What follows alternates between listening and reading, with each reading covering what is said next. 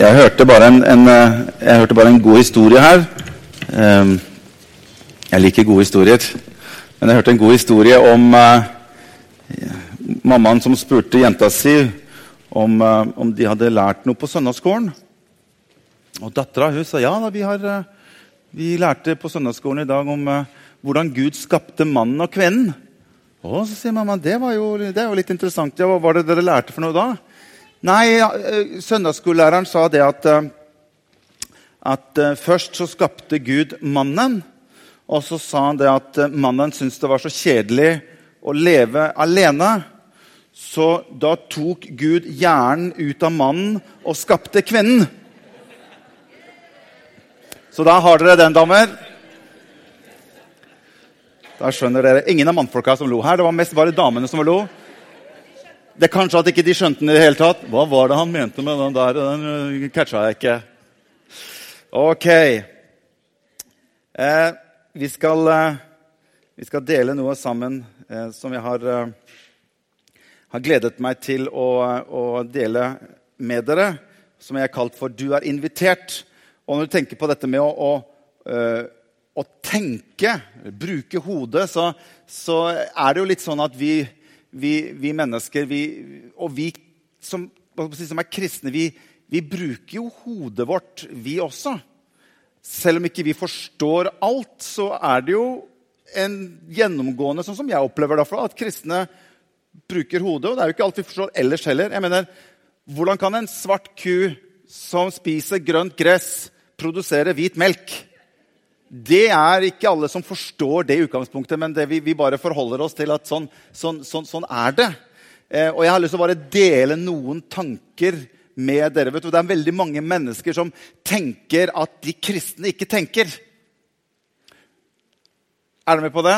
Det er mange mennesker som tenker at kristne ikke tenker. Og de tenker jo at de kristne ikke tenker fordi kristne ikke tenker slik som de tenker. Og de tenker jo egentlig mange ganger at de kristne ikke tenker i det hele tatt. Men det gjør vi.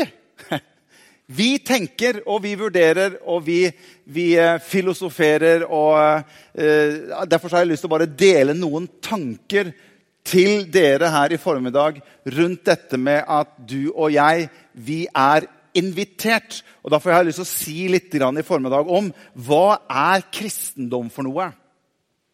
Hva er kristendom for noe?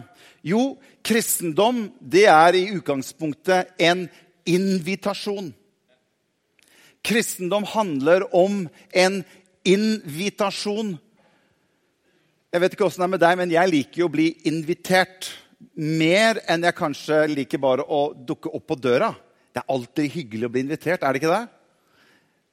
Jeg mener, det er, det er, Du har blitt husket på, det, det, er noen som ønsker at du skal komme. Altså Det å bli invitert er egentlig veldig, veldig koselig. Selv om jeg ikke kan komme, så er det å bli invitert det er veldig ålreit. Og Johannes han skriver noe veldig bra i sitt evangelie, i Johannes evangeliet, som vi kaller det, fra kapittel 3 og vers 16. Og jeg håper at noe av det som jeg skal dele med dere her i dag Det er ikke sikkert at alle her er like hva skal vi si, kjent med kristendommen eller troen. Jeg håper at noe av det som jeg deler med dere i formiddag, kan få lov til å være med på å inspirere og gi deg noen tanker rundt hva dette er for noe. Hva er det vi er invitert til? Og hvis du har Jesus i hjertet og du har på en måte troen din, så håper jeg at noe av det som jeg, som jeg deler med deg, da kan være med å bare enda mer å forsterke det som vi tror på. Så kristendommen er i første omgang en invitasjon. Og Johannes han skriver noe veldig veldig bra som jeg vil at vi skal ta utgangspunkt i. og Det er det som står i Johannes 3, 16. For det er tre ting som man ønsker å vite om en invitasjon. Det første er hvem er invitasjonen? Hvis du får en invitasjon, så tenker du ok, hvem er invitasjonen fra? Hvem er invitasjonen til? Og hva gjelder? Hva går den invitasjonen her ut på? Og Det er det Johannes skriver veldig bra om her i kapittel 3 og vers 16. For da skriver han For så høyt har Gud elsket verden at han ga sin egen sønn, sin eneste sønn, for at hver den som tror på Han, ikke skal gå fortapt, men ha evig liv. Og bare i den setningen her så ligger egentlig svaret på de tre tingene som vi ofte tenker på når vi får en invitasjon. Hvem er invitasjonen fra? Hvem er invitasjonen til? Og hva går invitasjonen ut på? Så Det første vi skal si litt om, det er hvem er invitasjonen fra? Jo, det er det Johannes skriver. For så høyt har Gud Gud er den som inviterer. Det er han som inviterer deg og meg inn til seg. Eh, jeg vet og jeg tror Jeg tror og jeg vet, jeg vet at det er veldig mange mennesker som har litt misoppfattelser om hva Gud er. Eller hvem Gud er. På hvilken måte vi oppfatter Gud. Jeg vet ikke om dere husker, jeg har bare lest om det, men når Sovjetunionen hadde hatt sin første astronaut på månen så når han kom tilbake, så var det pressekonferanse. og da hadde de spurt han, Det første de spurte han i pressekonferansen, det var 'Så du Gud?' Og han hadde svart 'Nei, jeg så ikke Gud'. Og Sovjetunionen de på en måte, de, de på en måte teppebla hele nasjonen sin med dette statementet at nå vet vi for sikkert at Gud ikke fins. Det fins ingen Gud. Når USA hadde sin første, første, astronaut som var på månen, når han kom tilbake, så fikk han det samme spørsmålet. Det var det fjerde spørsmålet de spurte han, og da spurte han så du Gud. Vet du hva han svarte? Jeg hadde sett Gud hvis jeg hadde tatt av meg romdrakten der oppe. To helt forskjellige forståelser og oppfattelser av Gud. Men spørsmålet var i utgangspunktet litt feil. Og du skjønner, Det er litt viktig at du og jeg at vi stiller oss de rette spørsmål noen ganger i livet. For hvis du stiller feil spørsmål, så er det vanskelig å få riktig svar på spørsmålet som du stiller. Ja, hva er rett spørsmål, da? Jo, det vi skal spørre oss selv, det er Har Gud talt? Har Gud åpenbart seg? Det er et interessant spørsmål. Og ja, Gud har åpenbart seg. Gud har talt. Han har talt gjennom sin skapelse. Det er mange ting når du er ute i skaperverket, som taler for at det fins en skaper bak skapelsen. Mange ganger er vi mennesker nesten mer opptatt av selve skapelsen enn den som er skaperen bak skapelsen. Men han har talt, han har vist seg selv gjennom skaperverket. Han har vist seg selv, og han har talt opp gjennom historien. Og han har kanskje mest av alt talt gjennom at han sendte som det står i Johannes her, han sendte sin eneste sønn, Jesus Kristus. Gjennom han har han talt til verden. Og så er jo spørsmålet da Ja, er Jesus, er Jesus den rette, da? Og det er jo et veldig godt spørsmål. Sånn, jeg er veldig glad for at du stilte meg akkurat det spørsmålet der, som politikerne sier. ikke sant? Husker Bondevik han sa jeg er glad for at du stilte meg akkurat det spørsmålet. Og det er klart at det spørsmålet må vi ta opp. Så Det kom ikke noe veldig mye svar, men det, var at det er veldig bra å få stilt det spørsmålet. for det må vi komme tilbake til litt senere. Men det er et godt spørsmål. Er, er Jesus den rette personen? Jeg har tatt med meg Bibelen her. Og Bibelen her, den er inndelt i to hoveddeler. Den er inndelt i noe som vi kaller for Det gamle testamentet. Og så er den inndelt i det som kommer etterpå, er det som kalles for Det nye testamentet. Det gamle testamentet den begynner med en bok som vi kaller for Første Mosebok. Og så ender den opp i en bok som heter Malakias. Mens Det nye testamentet den begynner med en bok som heter Matteus, og så ender den opp i en bok som heter Johannes' åpenbaring. Mellom Malakias og Matteus så går det ca. 500 år hvor ikke vi hører veldig mye fra Gud. Det er helt stille. Men i, gamle, i, Det gamle testamentet så kan du og jeg faktisk lese om noe som vi kaller for Messias-profetier. Det er altså forutsigbare ting som er uttalt, som er profetert, som er sagt om noe som skal komme, og som skal skje i fremtiden. Og I Det gamle testamentet her så står det faktisk 322 Messias-profetier som er skrevet i forkant av noe som skal skje i etterkant. Og I de profetiene så kan vi faktisk lese om hvor han skal bli født, hvordan han skal bli født. Det står i profetien om hvordan han skal være, det står hva han skal si for noe, hva han skal gjøre. Det står til og med at på palmesøndag, som er i dag, så skal han ri inn i Jerusalem på et esel. Det står i profetiene. Det står til og med at han skal bli solgt av sine egne. Og det står ikke 'for noen sølvpenger'. Det står til og med antall sølvpenger han skal bli solgt for. Og Alle disse tingene står i disse profetiene som står i Det gamle testamentet. Vet du hva den matematiske sannsynlighet eller utregningsgreier for at én person kan møte alle disse kravene ved et gitt øyeblikk i historien i én og samme person med alle de 322 profetiene? Vet du hva den matematiske utregnelse og sannsynlighet for det er? Vet du det? Ikke jeg heller. Jeg har, jeg har, lest det en eller annen gang. Det var annet, Noen som har prøvd å regne ut det. Det sto et eller annet sånn 84 opphøyde så en del nuller. Eller for å si det på en annen måte det er ikke noe som skjer hver dag. Og alt dette skjedde i Jesus når han kommer.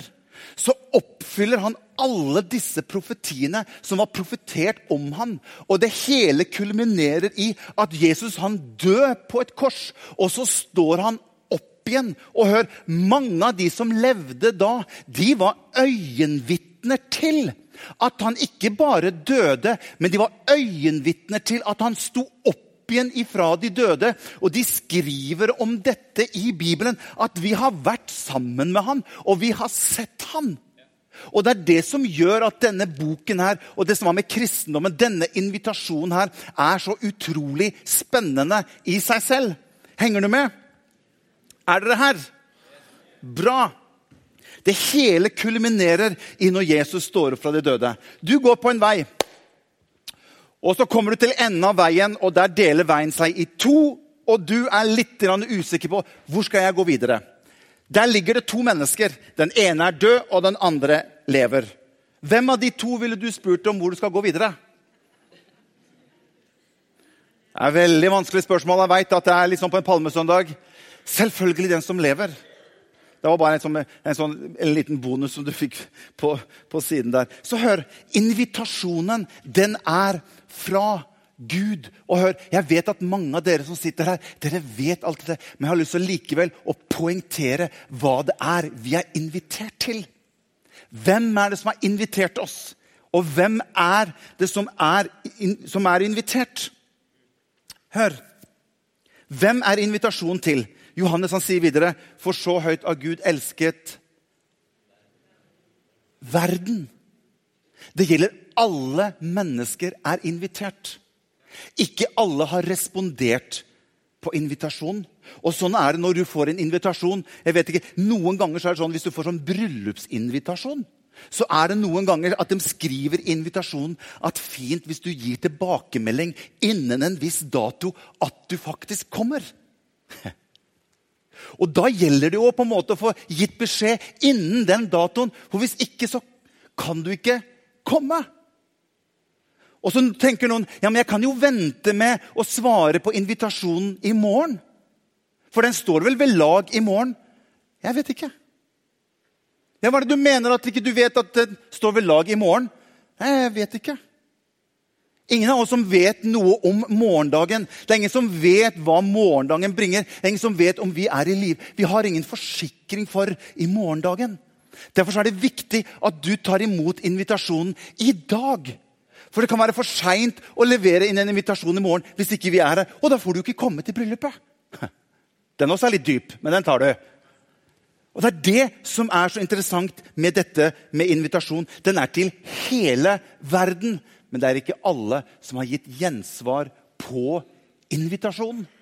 Den må du og jeg selv velge å ta imot. Punkt nummer tre. Hva dreier invitasjonen seg om, da?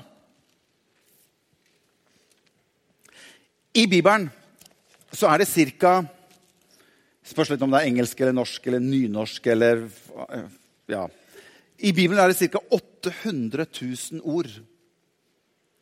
Hvis du skal ta på en måte hele Bibelen og summere den opp i de tre mest hovedelementene, ingrediensene, som denne boken dreier seg om. Hva er det egentlig hele denne Alt som står her. Hvis det er tre ting, hva er de tre tingene? Hovedtingene i Bibelen. Punkt nummer én det er tilgivelse for synd. Punkt nummer to det er å oppleve å få nytt liv her i dag. Og det tredje punktet er håp for morgendagen. Det er essensielt det som hele denne Bibelen på en måte konsentrerer seg om. Det er at du og jeg kan få lov til å oppleve å få tilgivelse for synd. Du og jeg kan få lov til å oppleve å få nytt liv her i dag. Og du og jeg kan få lov til å oppleve å få håp for i morgen. Det var en mamma som skulle ut og handle litt, og så sier hun til pappaen at kan ikke du bare se litt til datteren vår mens jeg er ute. Jeg vet ikke om det er vanlig at det, at det sies hjemme hos dere, men det var det i den historien her. Så hun går ut, og pappaen var litt opptatt, så han måtte finne på et eller annet for datteren som hun kunne være litt opptatt med. Så han fikk fortsette å gjøre det som han følte at han måtte gjøre. Så han hadde funnet et blad, og inni bladet så var det et bilde av et stort verdenskart. Så pappaen han tok og klipte ut dette verdenskartet. og Så delte han det opp i veldig mange småbiter. og Så fordelte han alle bitene ut på gulvet. Og Så sier han til datteren sin kan ikke du prøve å sette verden i sammen igjen, og så kommer du til meg etterpå når du er ferdig. Og Pappaen tenkte at nå er hun opptatt ganske ganske lenge. Det tok bare et par minutter, så var datteren inne hos pappaen. Jeg er ferdig. Umulig, sier pappaen. Nei, kom og se. Og Han kommer ut, og verden er satt sammen. Så spør pappaen hva var det som skjedde. hvordan greide du dette her? Jo, jeg kikket under når du klippte av kartet, og da så jeg et bilde av en mann og en dame. Så jeg tenkte at hvis jeg kan sette sammen mannen og damen, så kommer verden i sammen igjen. Og Det er noe av dette som jeg tenker er det essensielle i invitasjonen. Det handler om hjertet til mennesket. For jeg tror hjertet er problemet til mennesket i dag. Derfor er problemet hjertet til mennesket. Henger du med? Det handler om Og du og jeg som mennesker vi prøver å dekke på en måte hvordan vi har det i livet, med alt annet enn det som er det essensielle budskapet i Bibelen. Nettopp at Bibelen gjennom invitasjonen tilbyr mennesket å få lov til å oppleve å få sitt hjerte renset rent. For det er i hjertet hjertet problemet til mennesket ligger i dag. Vi prøver å fikse ting all mulig måte på andre måter enn det som er det selve hva skal vi si, årsaken til våre utfordringer. Det er menneskets hjerte. Se for deg at du plutselig besvimer eller du kollapser, og så er du inne i en slags form for hypnose. Det er bare, det er bare, det er ikke, det er bare et bilde, så heng med. Og plutselig så sitter du inne i en stor kinosal. Så kommer det en engel flyvende inn til deg. Du sitter i salen, en svær skjerm foran deg. Og engelen kommer bort til deg og sier, 'Velkommen til dommens kino. Slapp av.' Så sier engelen til deg at nå skal du få lov til å få se filmen om ditt liv. Alt du har sagt og alt du har gjort, alt du har tenkt, kommer vi til å vise på denne skjermen her, og du kan få lov til å sitte og se. Og så er det litt popkorn her borte, men det er ikke så mange som bruker liksom, den popkornen der. Nå skal du få lov til å se. Og du begynner å se, og filmen er ferdig, og du begynner å komme til deg selv. Og så kommer engelen bort til deg og sier vet du hva, bare slapp helt av. Det er en forestilling en gang til. Alle de menneskene som har vært med i denne filmen, her, de står på utsiden. Og vi har sagt at de kan få lov til å komme inn og så kan de få lov til å se den filmen sammen med deg. Hvordan hadde du opplevd og skulle befinne deg i den situasjonen og bli dømt med det utgangspunktet. Jeg hadde ikke hatt lyst til å ha en privat forestilling en gang om mitt liv. Jeg vet ikke åssen det er med deg. Du trenger ikke å se på naboen eller kona di nå. Du kan se rett fram. For jeg tror vi alle treffes av dette. Hør, nøyaktig slik er det Gud dømmer deg og meg som menneske.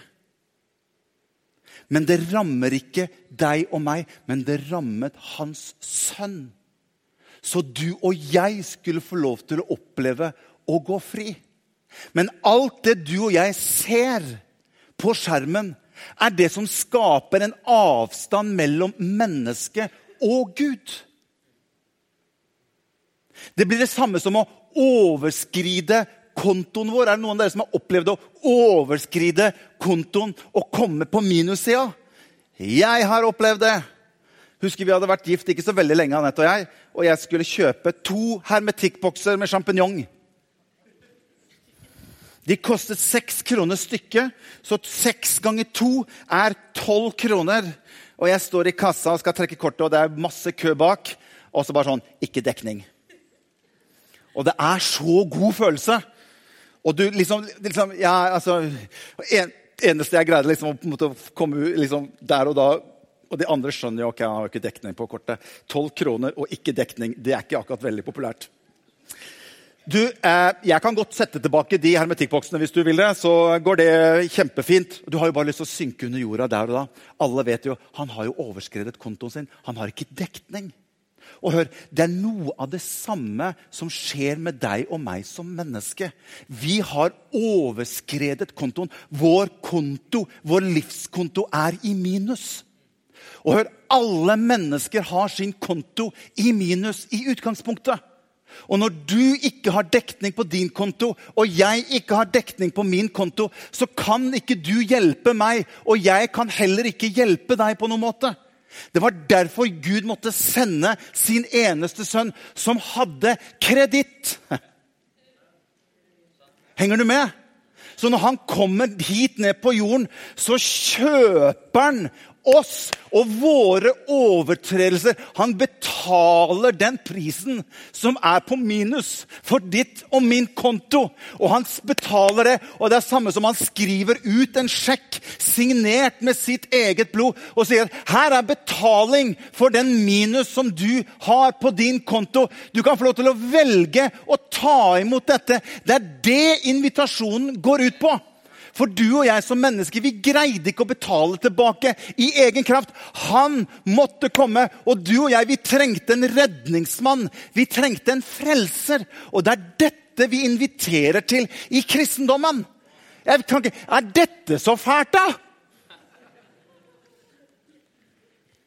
Det er jo fantastisk! Men jeg er nødt til å si et ja til den invitasjonen som Gud kommer med.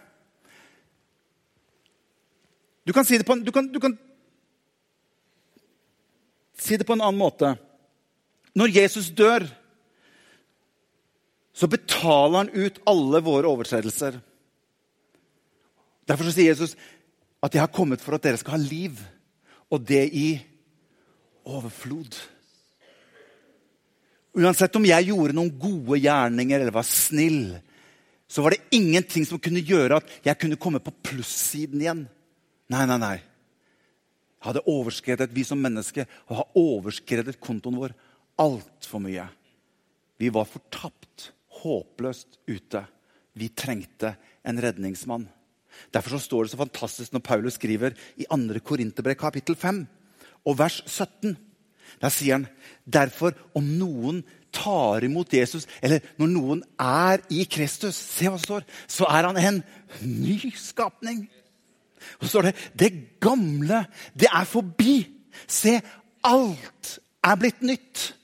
Det er det som skjer når du tar imot denne sjekken som er skrevet og signert av Jesus selv, inn i ditt liv.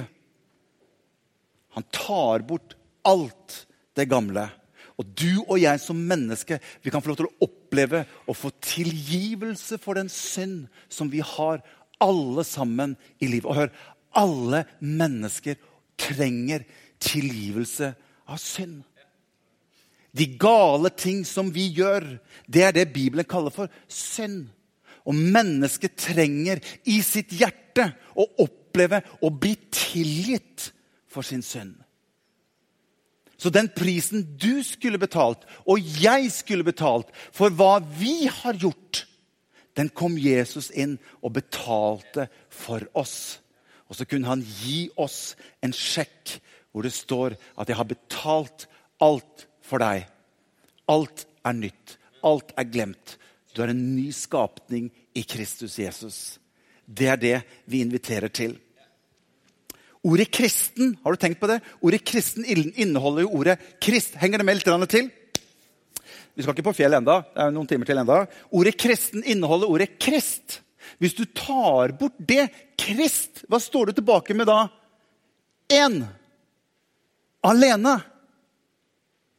Jeg greide ikke det alene. Jeg måtte koble meg sammen og komme meg på plass med Kristus, Jesus. Når jeg blir en kristen, så er det samme som å si at jeg ønsket å få tak i det som Jesus har gjort for meg. Derfor er jeg en kristen. og Jeg ønsker ikke å ta bort Krist, for da er det bare meg alene tilbake. Og jeg fikk det ikke til i egen kraft. Derfor er jeg en kristen. Jeg har slått meg sammen med Jesus Kristus. Og det er rått. Nei, ikke amen. Nei, det er for åndelig. Det er rått parti, var det jeg skulle mene da. vet du. Det er rått parti, jeg og Jesus. Du kan se det på en annen måte. Ta for eksempel, eh, Hvis du tenker om at bilen er livet ditt, ikke sant? og så sier vi at Jesus han er i bilen. Ja, jeg har Jesus i, jeg har, ja, jeg har Jesus i bilen min. Det, det, har jeg. Ja, Så kommer spørsmålet ja, hvor i bilen har du Jesus.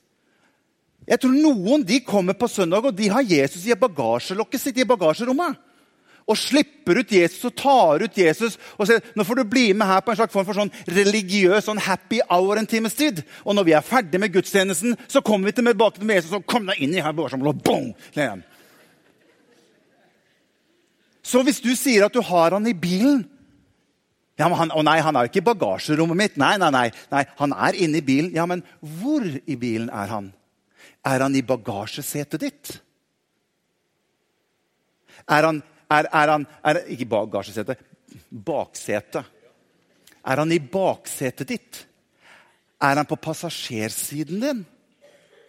Og så tenker du ja, jeg vet jo hvor du vil hen. For du skal jo si det at Jesus må sitte i førersetet, og det er han som skal kjøre bilen og holde hendene i rattet. Ja, det er helt riktig, der tok du meg. Men derfor vil jeg spørre deg, er du en passasjersidesjåfør? Det var en gutt som spurte pappa, hvem var det som viste deg hvor du skulle kjøre før du ble gift med mamma? Er du en passasjersidesjåfør?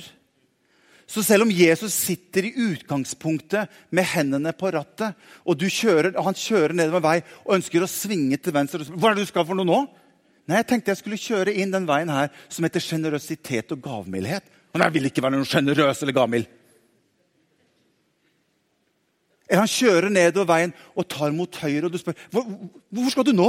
Nei, Jeg tenkte vi skulle kjøre inn den veien her som heter tilgivelse. Og jeg vil ikke tilgi.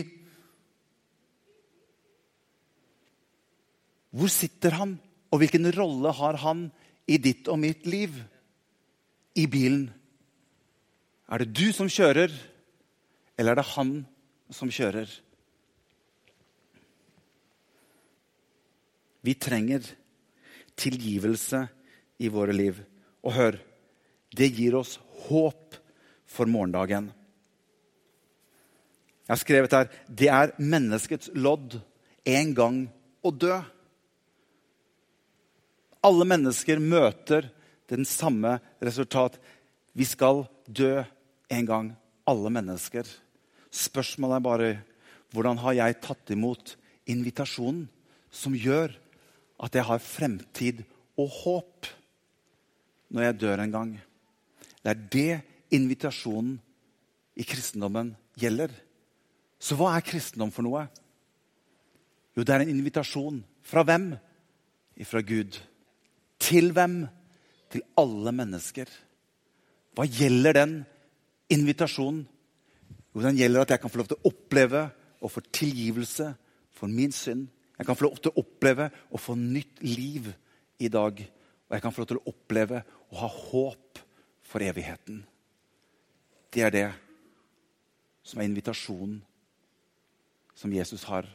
Kan ikke komme og spille litt, Frode? Som jeg sa, så er det sikkert mange av dere som har Jesus i bilen. Spørsmålet er bare hvor sitter han i bilen din? Eller i livet ditt? Eller i livet mitt? Jesus han inviterer oss her i dag til kanskje enda mer bevissthet om hvor har jeg plassert Jesus i min bil? Har han førerseteplassen? Eller sitter han i passasjersetet? Og jeg tenker at Det er like greit at det er jeg som på en måte har kontrollen i livet mitt. Men det er greit å ha han litt ved siden av. Gud ønsker noe mer enn å sitte i passasjersetet. Han ønsker at han skal få lov til å være herre i ditt og mitt liv. Og når han får lov til å bli herre i ditt og mitt liv, så er det han som inviterer deg. Og når han inviterer deg, så er det han som er ansvarlig for invitasjonen. Det hviler alltid et større ansvar på den som inviterer, enn den som blir invitert. Har du lagt merke til det? Når jeg blir invitert til et bryllup, så har jeg noen forventninger. Jeg vet at Det er ikke så mye jeg trenger å gjøre. Det hviler et visst ansvar på de som inviterer til bryllup. Jeg kan få lov til å si ja og komme dit. Bibelen har mange måter å gjøre Jesus forståelig på. Jeg har bare skrevet ned noen her. Kan jeg lese noen fra dere? Vi kan stå opp alle sammen. Skal jeg bare lese noen ting som jeg skrev ned her, bare for å gjøre Jesus forståelig for oss? For Jesus, han er livets brød, så bakere kan forstå det. Jesus er livets vann, så rørleggere kan forstå det.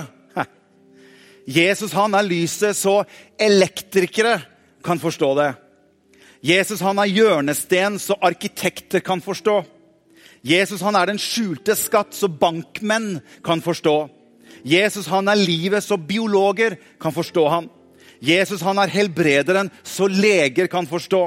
Jesus han er læreren, så utdanningsetater kan forstå. Jesus han er liljen i dalen, så blomsterdekoratører kan forstå. Jesus han er klippen, så geologer kan forstå. Jesus han er den rettferdige, så dommere kan forstå. Jesus han er den verdifulle perle, så smykkeforhandlere kan forstå. Jesus han er visdom, så filosofer kan forstå. Jesus han er ordet, så skuespillere kan forstå.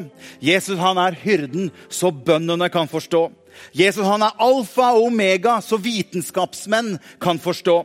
Jesus han er kongenes konge, så verdens herskere kan forstå hvem han er. Jesus er veien, den synes jeg er fin, så trafikkpolitiet kan forstå. Og Jesus han er sannheten, så politikere kan forstå. Og Jesus han er oppstandelsen, så begravelsesbyråer kan forstå. Jesus er den han har sagt seg å være. Han var død, men se, han lever. Og han lever til evig tid. Og han inviterer hele verden til å gi sitt gjensvar på hans invitasjon.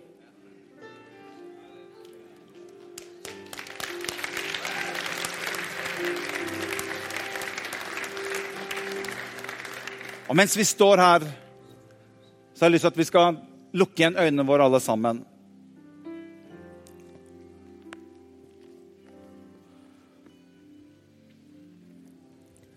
Kanskje dette er veldig nytt stoff for deg, noe av det som jeg har delt i dag. Og dette går ut på. Kanskje noe av det jeg har sagt, er noe som du kan ta med deg i noen av samtalene som du har med folk rundt deg. Hva er kristendommen? Jo, det er en invitasjon.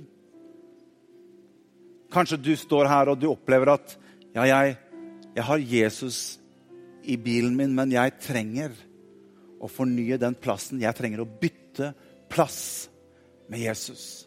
Jeg har lenge nok prøvd å kjøre bilen selv, men det er på tide at jeg overgir den plassen til Jesus.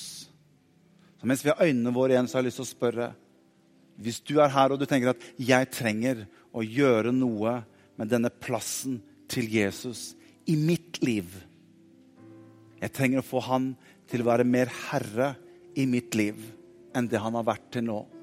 Så mens vi har øynene våre, så har jeg lyst til at du kan få lov til å løfte opp en hånd, og så skal vi be en felles bønn for deg.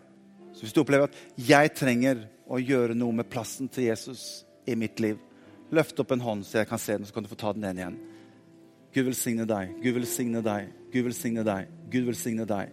Gud velsigne deg, Gud velsigne deg, Gud velsigne deg. Gud velsigne deg, Gud velsigne deg.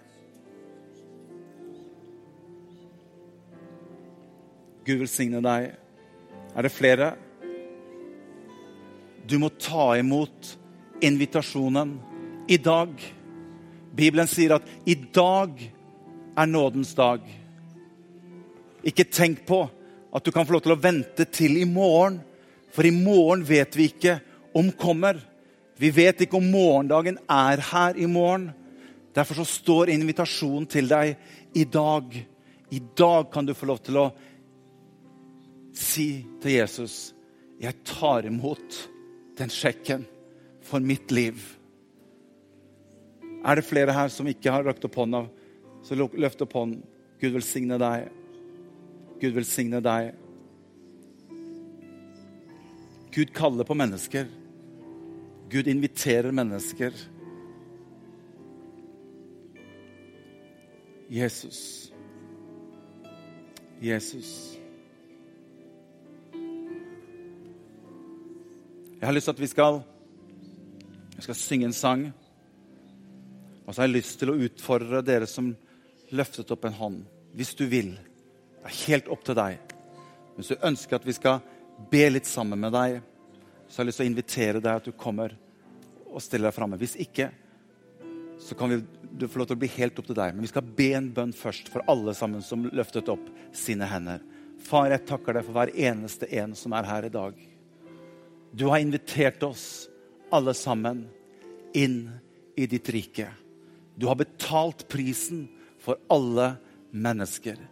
Vi som overskred kontoene våre, som var håpløst ute, og som ikke greide å redde oss selv. Du kom som frelser, og du betalte prisen, slik at vi kan få lov til å få liv ved deg, Jesus. Derfor så ber jeg for hver eneste en som løftet opp sin hånd i dag.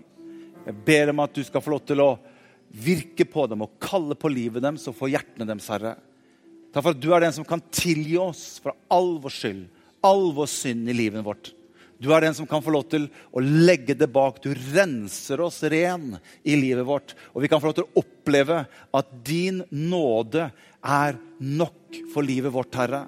Det du har gjort for oss, det holder. Det takker jeg deg for i Jesu av Nasarets navn.